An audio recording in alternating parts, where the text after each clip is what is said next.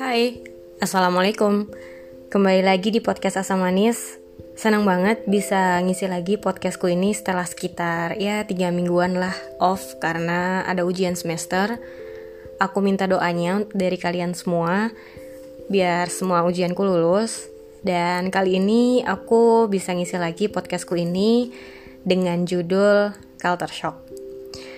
Ya sekarang ini aku untungnya nggak sendiri tapi kali ini aku ditemani oleh seorang teman seperjuangan, seorang wanita yang tangguh, dan tangguhnya pun bisa diancungi jempol.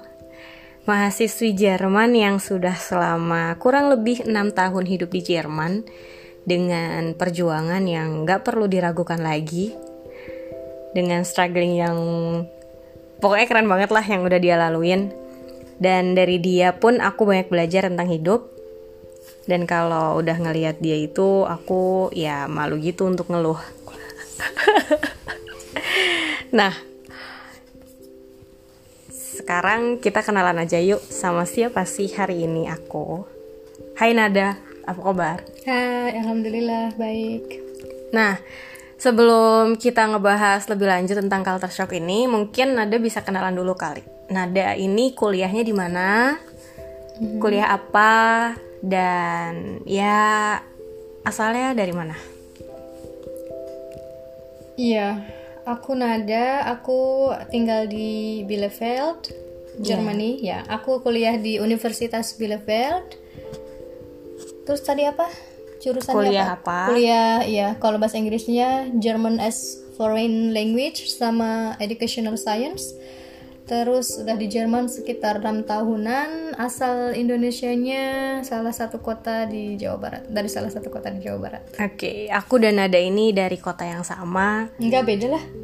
Sama dong. Beda. Sama. Ya pokoknya sama-sama Jawa Barat maksudnya. Tetanggaan, tetanggaan. sama-sama Jawa Barat lah ya. Aduh. Cuman aku doang yang mengakui tidak apa-apa.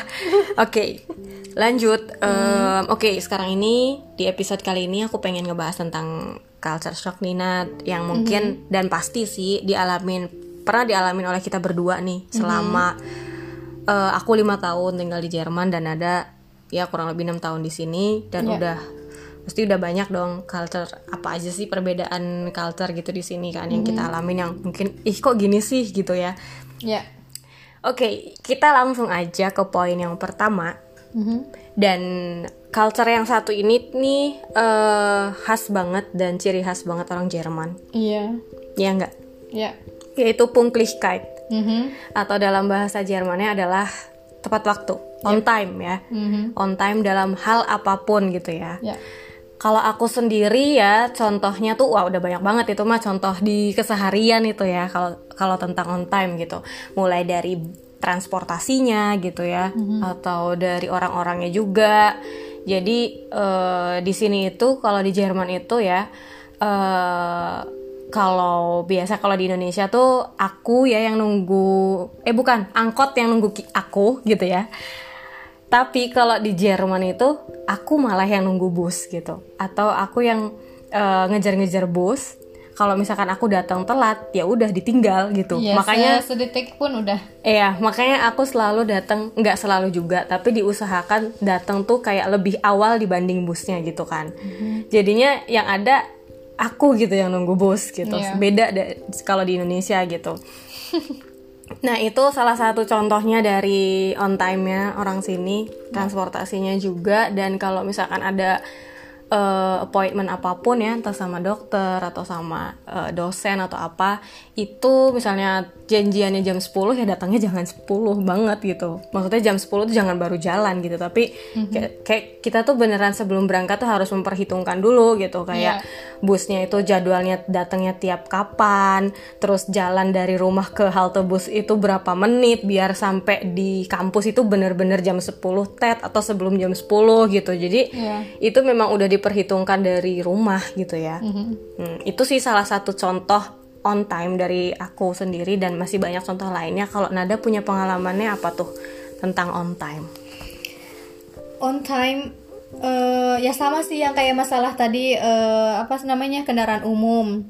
Kita walaupun uh, tinggal apa ya namanya ketinggalan sedetik dua detik Udah ya ditinggal. udah ditinggal kalau di Indonesia kan kayak ditungguin dulu gitu Iya. kan terus kalau bawa barang-barang kan dibantuin tuh kalau di sini tuh ya sendiri-sendiri nggak ada yang ngebantuin Iya, kayak gitu. walaupun bawaannya rempong ya kayak Heeh. terserahlah kamu mau bawa koper, mau serepot apa pun kamu bawaannya gitu ya. Kalau kamu telat dia bakal ditinggal. tinggal gitu pokoknya ya walaupun udah di depan mata aja Iya. kalau misalkan telat buka pintu kadang ya emang suka ditinggal udah bakal ditinggal gitu Iya. padahal udah udah mencet-mencet gitu udah tetep aja ditinggal gitu soalnya nanti kalau misalkan di halte Stele ini telat nanti ke depannya juga bakalan telat sampai ujung iya halte Gitu. Stella tuh apa ya kak halte halte halte bus halte. maaf nih. Iya iya. Nah terus ya mungkin buat temen-temen yang pengen kesia apa ya persiapan pengen ke Jerman mungkin perlu tahu ini ya. Jadi jangan kaget kalau di sini tuh semua transportasi pasti nggak pasti sih. Ada juga yang kadang telat juga gitu tapi jarang lah ya.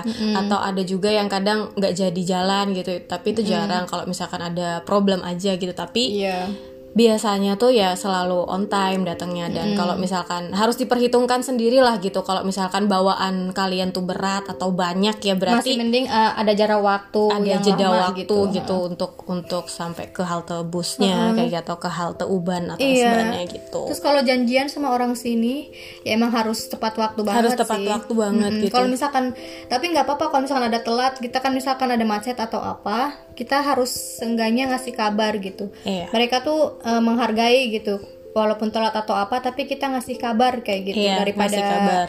nggak ada kabar sama sekali terus tiba-tiba datangnya telat banget mereka bisa kayak nggak percaya namanya, lagi asem- udah asem males gitu, loh, gitu males ya kayak gitu ya udah wajahnya. males walaupun kayak telatnya cuma 5 menit 10 menit ya Heeh, tapi kalau mereka eh kalau kitanya nggak ngasih kabar ya mereka bakalan kayak nggak enak gitu wajahnya nggak enak dilihat. Iya, iya. Mungkin kan kalau kita kan tipe orang Indonesia, kalau mungkin aku kali ya, kalau misalkan datang telat itu kan nggak enak gitu ya, jadinya ah udahlah nggak usah ngasih kabar gitu kan ya, takutnya malah nanti di sana yang nungguinnya pundung atau marah gitu kan, kalau misalkan ya telat gitu kan. Tapi kalau orang Jerman itu justru mereka suka. bakal lebih suka kalau kita ngasih tahu kalau kita telat gitu atau gimana kayak gitu. Nah itu. Dah. Terus poin yang kedua tentang culture yang memang beda banget sama Indonesia adalah bau masakan. Ya, Ini itu ah, sensitif banget. sensitif banget. Tahu sendiri ya, apalagi kalau masakan Indonesia itu kan ada rendang, ada Pokoknya apa lagi ya, bawang-bawangan. minyak-minyakan gitu kan kayak apalah bakwan atau. Iya macam-macam lah ya masakan Indonesia dan baunya tuh kalau menurut orang Indonesia mah Sedap, sedep ya, baunya enak sedap. gitu. Jadi kayak Eh, bikin lapar daun-daunan. heeh. kayak bikin lapar tapi kalau untuk orang Jerman sendiri gimana Nat? Coba ceritain pengalamannya. Aduh, bau pokoknya mah. Kita Repot mas ya? iya repot deh pokoknya kalau di dapur tuh kayak gimana ya pertama kali masak tuh kayak jendela tuh harus dibuka soalnya di sini jendelanya kedap banget dan di sini kan kebanyakan udaranya kan dingin jadi kan jendela tuh jarang dibuka nah kalau lagi masak tuh harus dibuka jendelanya tapi tetap aja sih orang bisa ngecium kan bisa mencium baunya gitu kayak hidungnya tuh tajem banget. Aku dulu pernah masak nasi nasi doang loh tapi mereka bisa tahu kalau aku udah masak nasi padahal itu udah sejam dua jam yang lalu mungkin atau beberapa menit yang lalu. Iya. pokoknya hidungnya tuh tajem banget Iya. sini Oh, oh. Jadi itu juga mungkin warning untuk teman-teman yang pengen ke Jerman kalau misalkan kalian eh, tinggalnya di sini itu flat gitu ya, satu rumah berempat atau ya pokoknya ba- tinggalnya bareng sama orang Jerman gitu. Kalau kalian mau masak apa soto atau apalah gitu ya Yang berbau. masakan Indonesia yang baunya tuh menyengat ya kalau menurut kita mungkin baunya biasa aja gitu ya Men- mereka beda menurut mereka tuh beda nah itu setiap masak kalian harus buka jendela gitu. Karena beda ya kalau dari karena udara di sini tuh di luar tuh seger banget gitu kan. Jadi kalau orang dari luar masuk ke kam eh masuk ke, Masuk ke rumah, itu ya makanya langsung kecium langsung, beda banget gitu baunya. Jadi ya harus selalu dibuka jendelanya kalau lagi masak gitu ya. Mm-mm. Oke, terus poin yang ketiga yang bikin kaget adalah toiletnya kering, nggak kayak di Indonesia, iya. Dan gak ada air untuk ya itulah. iya. Adanya air itu untuk mandi doang. Mhm. ya nggak? Un- di shower gitu kan atau di bathtub gitu. Tapi kalau untuk ke toilet kayak buang air kecil buang air besar semuanya pakai tisu. Iya bener. Jadi buat teman-teman yang pengen ke Jerman siap-siap aja sih beli apa namanya beli wadah buat nampung beli air terus- botol kek untuk nampung airnya gitu kan. Kalau kalau di Indonesia ya kayak aku sendiri aja kalau ya kalau di Indonesia kalau buang air besar atau buang air kecil udah pasti pakai air gitu. Nah di sini tuh nggak nggak ada gitu. Semuanya pakai tisu toilet dan iya. ya kita mau nggak mau harus dia sendiri kayak entah botol kah atau atau ke mana-mana harus bawa botol gitu kan biar kalau ke toilet tuh nggak repot gitu atau eh, di rumah selalu sedia kayak apa sih giskana? Siram bunga itulah iya. untuk menyiram bunga itu gitu. Jadi ya harus ya siap sendiri gitulah. Jadi jangan kaget kalau nyampe di Jerman pengen ke toilet. Gak, Gak ada air. gak ada air ada tisu doang terus gitu kalau kan. wudhu juga kan Oh iya, kalau wudhu kan kayak kita kan cuci kaki tuh. nah biasanya di kita kan cuci kaki gimana ya kalau di Westafel bisa juga. Tapi di bawah Westafel tuh nggak ada ini nggak ada keset. Mm-mm, jadi mau nggak mau pasti basah kan. Jadi kalau misalkan kita di mana di tempat umum eh, atau di rumah sendiri tapi barengan sama orang-orang zaman lain tinggalnya ya usahakan kering lagi sih setelah wudhu Iya, kayak iya, dibersihin iya, lagi iya, benar. soalnya Itu juga- mereka bakalan kayak komplain gitu ini basah gitu Iya kan. iya benar benar benar. Aku pernah punya pengalaman nih kayak gitu. Waktu itu aku eh, ikut kayak seperti seminar gitulah ya dan seminarnya tuh kebanyakan orang-orang Indonesia yang hadir juga gitu kan. Tapi orang-orangnya tuh eh, datang langsung dari Indo gitu. Maksudnya eh, sebelumnya tuh belum pernah tinggal di sini gitu. Jadi kayak Baru kesi- banget. baru banget. Dan ke sini tuh cuman untuk seminar itu doang gitu. Kayak cuman sehari dua hari. Dan eh, wudhunya itu di Westafel. Mhm. ya memang nggak ada tempat lain sih ya. Memang memang di cuma bisa di Westafel doang. Tapi pas nyuci kakinya tuh ya bawah Westafelnya jadi becek semua gitu. Dan karena emang itu nggak ada keset. nggak ada keset. Dan itu nggak dielap lagi pakai tisu gitu. Dan Nah, itu ditinggalin aja udah Ya, gitu. kayak seolah-olah normal gitu kan. Iya padahal di sini tuh orang nggak suka kalau toiletnya itu basah gitu.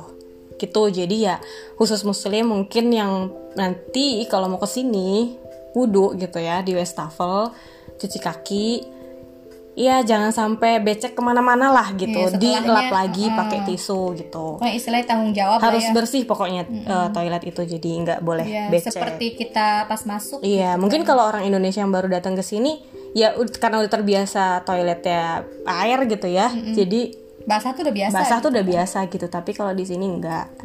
Itu. Oke. nah, terus poin selanjutnya kalau di Jerman itu eh, gimana ya?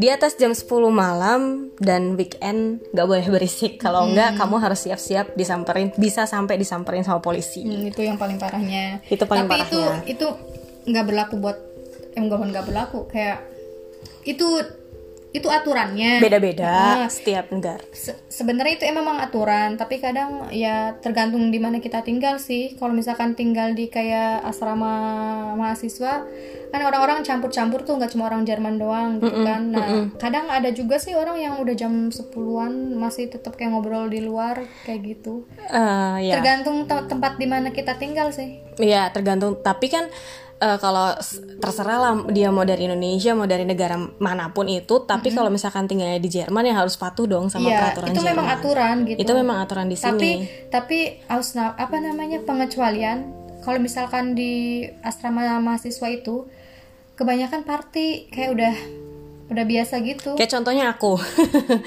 aku punya pengalaman. Mm-mm. Ya baru-baru inilah gitu ya. Aku tinggal di dorm asrama mahasiswa gitu dan ya macam-macam orangnya dan ya mereka party lah di atas jam 10 malam sampai subuh gitu dan aku nggak bisa tidur. Tapi ya kalian boleh untuk telepon polisi. Atau itu sebenarnya polisi itu adalah pilihan akhir lah gitu ya. Kalau misalkan tetangga kalian itu udah kalian bilangin tetap gak nggak apa nggak gagubris gitu.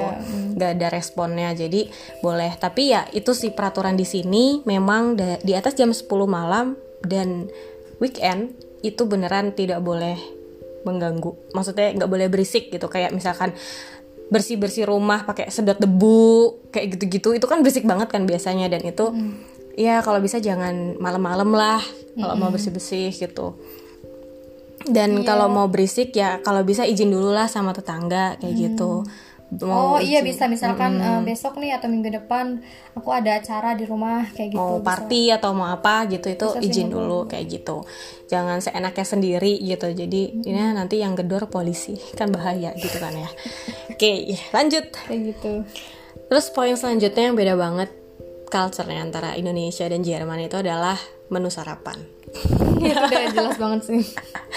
di mana kita atau khususnya aku sih kalau di Indonesia sebelum aku ke Cirebon eh belum aku ke Cirebon lagi belum aku ke Jerman itu sarapan tuh kalau nggak nasi uduk kayak nasi kuning gitu ya untuk sarapan sama gorengan Bubur. tempe atau bubur benar-benar iya itu bubur Pokoknya is, eh, Yang berat-berat lah. Mm-mm, bahan awal itu pasti udah ada karbonnya lah. iya nasi lah Nasi nasi nasi nasian. gitu tapi kalau di sini itu mereka biasa sarapan pakai roti biasanya. Roti atau ini sih musli, sereal, oh, kayak gitu. gitu.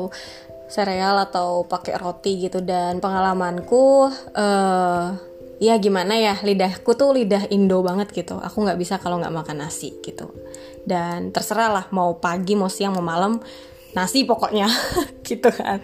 Dan itu ya s- pas lagi tinggal bareng sama orang Jerman ya mereka ngeliatin aneh ketika aku makan pagi tapi udah pakai nasi gitu. Atau biasa orang bikin indomie lah gitu ya. Itu tuh mereka ngeliatinnya aneh. Jadi buat kalian yang mau ke Jerman kalau ya yang biasa sarapannya pakai nasi dan di sini nggak ya pokoknya nggak bisa lepas dari nasi kayak aku jangan kaget kalau sampai diliatin kayak apa ya kayak mereka kayak bingung gitu ya kok makannya nasi itu jangan kaget dan kalian jangan minder aja udah bodo amat gitu intinya. Biarin aja kalau mereka mau ngeliatin kalian atau ngomen kok makannya nasi? Ya udah nggak apa-apa ini aku biasa sarapan pakai nasi kok kayak gitu. Ya jangan kaget aja sih itu bukan busa gemain tuh ya bukan bukan bukan marah gitu ya tapi aneh aja menurut mereka mereka bingung kalau sarapan tuh udah yang berat-berat gitu. Dan kopi sih kayaknya orang sini banyak banget yang minum kopi. ya kopi kopi kopi itu tipe banget sama orang Jerman tuh klop lah gitu. Mereka kalau udah sarapan pasti kopi gitu Mm-mm. Dan rotinya juga di sini roti-roti keras ya, bukan kayak roti lembek kayak di Indo. Mm-mm, rotinya roti volcon yang seperti itu yang memang eh, bisa nahan lapar agak lama gitu Iya. Oke, selanjutnya adalah orang Jerman itu terlalu serius Iya dalam banyak hal ya. dalam banyak hal ya. Kadang ya, gini loh. Aku tuh tujuannya pernah gini. Aku pernah ngobrol sama orang Jerman. Tujuan aku tuh, aku pengen ngejokes. Pengen bercanda ceritanya. Malah ditanggepin serius dong. Kan jadinya nggak lucu ya. Gak jadi ngejok dong Oh ya udah deh lupain aja lupain gitu Jadi ya kalian jangan kaget Kalau orang Jerman eh kalau orang Indonesia kan Mm-mm. banyak bercanda ya maksudnya kita tuh santai gitu ya Santai kita tuh aja. Sering bercanda gitu nggak dibawa stres. Kalau orang Jerman tuh terlalu Jarang, dibawa jarang, serius. jarang emang jarang bercanda orangnya. iya dan bercandaan mereka tuh aku nggak ngerti serius. Emang gak ngerti. kadang buat kita tuh itu sama sekali nggak lucu gitu loh tapi buat mereka tuh lucu banget gitu. Jadi memang tempe tempe banget lah gitu loh ini kadar bercandaan mereka tuh. Iya. kalau orang Indo tuh udah paling top lah gitu untuk bercanda-bercanda. Iya, tapi tapi mereka emang bagusnya ya itu yang apa kalau kita nanya sesuatu mereka tuh kayak niat banget jawabnya ah tuh. iya itu benar. Jadi nggak kayak asal-asalan kita kayak ngejawab doang, tapi mereka tuh ngejawabnya tuh dengan kayak detail banget. detail dan kalau mereka punya bukti ya dibuktiin Iya, gitu dengan oh, oh. kayak apa istilahnya ya ilmu apalah nggak ngerti Iya, ilmu. atau cari di internet atau gimana gitu. Pokoknya itu mereka kayak gitu. Maksud maksudnya gimana ya susah untuk masukin bercandaan Indonesia ke orang Jerman gitu. Itu tuh agak sulit gitu. Karena mereka aku karena mereka tuh terlalu Iya. serius. Tahu karena di Jer- Jerman kan emang udah terkenal ininya kan ilmu apa namanya ilmu pengetahuannya itu loh wissenschaftlich gitu loh. Ngerti berdasarkan kan? fortune gitu. fortune Ya. banyak penelitian di sini tuh. Jadi mereka tuh lebih lebih eh, interestnya ke bagian-bagian gitu Iya. penelitian Oh, apa penelitian dibanding- apa dibandingin kayak ngejok-ngejok kita yang nggak jelas ya nggak sih ketawa ketiwi mereka tuh kalau ditanyain pasti ada penelitiannya. Iya. kayak ada udah mereka tuh banyak baca ya pokoknya gitulah. baca koran baca apa gitu. Dijawab tuh beneran Beneran, serius. Iya jadi kayak aku mau ngejokes gitu kan ya. Maksudku tuh aku nggak pengen jawaban yang serius malah jadinya kok detail banget gitu. Itu tuh udah sering pokoknya Iya. kejadian kayak gitu. Jadi jangan kaget aja. Jadi siap-siap aja. Iya. kalau orang sini memang terlalu serius orangnya. Dan ya, makanya orang Jerman itu paling banyak mereka tuh mental health gitulah. Pokoknya mentalnya agak gimana gitu kalau mereka terlalu stres. Makanya di situ kadang banyak orang-orang yang masih muda aku sering loh lihat kayak di jalan mereka masih muda tapi tiba-tiba teriak-teriak sendiri lah Hmm, banyak yang mentalnya agak itulah karena nggak tahu ya semuanya tuh kayak dibawa keras dibawa Mm-mm, iya nggak ada. pikiran banget gitu. Iya gitu ya itulah emang kurang ada rasa gimana ya ya pokoknya gitulah ya Iya, empatinya juga mungkin agak kurang sih Oke, kayak gitu. Dan ini agak nyambung sama yang tadi mungkin ya agak sedikit nyambung. Yang selanjutnya tuh orang Jerman tuh nggak peka. Jadi jangan pernah ngodein orang Jerman. nggak ada kode-kode ya ada kalau pacaran Nggak ada kode-kodean. kode Karena mereka itu terlalu bukan Terlalu- terlalu emang nggak peka gitu kan. nggak peka dan emang to the point Memang to the point dan nggak peka. Kalau misalkan contoh kecilnya nih, kalau kalian butuh bantuan orang Jerman, bilang kalau kalian minta butuh apa butuh bantuan gitu. Jangan yang kayak ngode-ngode, aduh ini susah ya.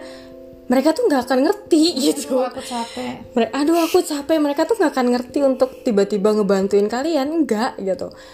Kecuali sih orang baik sih ya tapi kebanyakan sih Kebanyakan nggak ngerti. Nggak Dan ngerti. maksudnya tuh bukan bu- bukan mereka nggak mau bantuin, tapi karena memang mereka nggak ngerti kalau kalian tuh minta bantuan. Kalau kalian nggak bilang. iya Jadi kalau minta tolong tuh langsung ngomong bisa nggak minta aku minta tolong gitu. Nah baru mereka ngerti. Kalau cuman ngode, aduh ini susah, aduh aku capek, aduh aduh ini ku belum, aduh ini ku belum, itu tuh mereka nggak akan bantuin gitu. Iya. Dan kalau ditawarin bantuan, kalau ada orang baik minta eh, apa nawarin bantuan, butuh bantuan aku enggak. Terus kita bilang kayak, "Oh, enggak enggak enggak usah." Ya udah gitu, mereka bakalan ninggalin kita. Iya mereka Jadi kita harus ninggalin. jujur kalau misalnya ada yang nawarin bantuan, kita jawab, "Iya, eh, makasih ya." gitu. Jadi mereka tuh kayak iya iya enggak enggak gitu. iya. Iya. Jadi harus ada kejelasan gitu ada kan. jelas gitulah kalau ya kalau ditawarin bantuan terus kalian bilang enggak pak karena karena orang Indonesia tuh nggak enak gitu kan. Duh nggak enak lah gitu kan takut ngerepotin padahal sih butuh bantuan gitu. Ya mereka nggak akan pernah ngerti gitu. Jadi ya, ya minta aja tolong iya gitu kan. Atau Iya. ya aku minta tolong kayak gitu. Mungkin- Nah, poin yang terakhir mungkin ya yang mungkin bisa untuk pelajaran kalian atau eh, anak-anak yang mungkin mau ke sini biar nggak kaget. Kalau orang Jerman itu selalu menempatkan sesuatu tuh sesuai tempatnya. Contoh, Mm-mm. contohnya di saat mereka waktu jam kerja, mereka pasti kerja. Mereka jarang banget kayak mainan HP Iya, atau profesional, uh, profesional, profesional sih, banget. dan di saat waktunya udah kelar kerja udah lepas semuanya. Di rumah pun nggak megang kerjaan gitu. Iya. kayak gitu. Jadi orang sini ya kayak gitu. Mau kerjanya selesai nggak selesai waktunya pulang ya pulang kayak gitu Iya. salah satunya itu sih Iya, kalau di kelas juga misalkan kayak dosen-dosen tuh kayak ngajar ngajarnya tuh beneran ngajar fokus beneran loh. Kita ngebahas tema apa, ya Udah, yang dibahas itu, gitu sama si dosen atau sama guru lah gitu kan. nggak ngalor ngidul gitu iya, ya nggak basa Pokoknya jarang ada jarang ada jok-jok apa bercanda-bercanda apa gitu kan. Pokoknya intinya kita harus diskusi di kelas ya diskusi gitu tentang tema itu. iya gitu jadi kalau ya contohnya kayak gitu kalau di kampus ya kalau eh, waktunya belajar ya udah diskusi waktunya diskusi gitu Iya, bukan sama dosennya aja sih, tapi sama orang-orang Jermannya pun. Iya. Mereka kalau kita ada kerja kelompok ya ngomonginnya tema, tema yang harus kita bahas, bukan kayak nanya, eh Ngalor besok kamu mau ke mana? Iya, iya. Gitu, Heeh. kayak gitu. Iya, paling kalau mereka mau nanya kayak gitu ya kalau udah selesai kerja kelompoknya gitu. Jadi memang menempatkan semuanya tuh sesuai tempatnya gitu kalau orang sini gitu. Ya itu sih ya, mungkin beberapa mungkin masih banyak yang Masih banyak. beda banget gitu ya. Tapi ad- ada lagi nih Nad yang mau kamu ceritain. Ada sih, bisa Boleh, jadi nanti kita eh, bahas ini, bahas pengalaman kita selama di Universitas Jerman. Boleh. Pasti ada culture shocknya juga. Jadi bukan menyangkut ke lingkungan lingkungan seharian, keseharian, tapi lingkungan Khusus uni. kampus ya? Mm, khusus kampus. Aku banyak sih.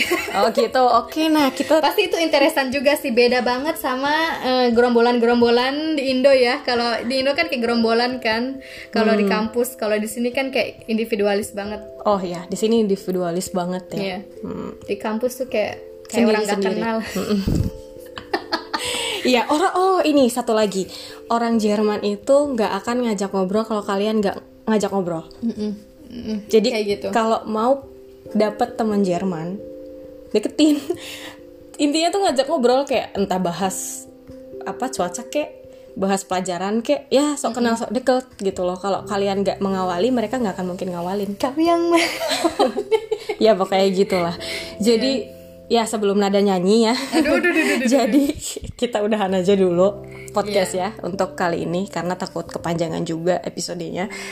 Em, dan aku tunggu eh, dari mahasiswa rantau lainnya nih di negara lainnya mungkin entah di Eropa juga atau di negara yang lainnya punya pengalaman apa tentang culture ini, culture shock itu mungkin bisa berbagi ke aku dan juga mungkin ke teman-teman yang lain yang mungkin bisa jadi persiapan mereka juga untuk ke luar negeri gitu ya.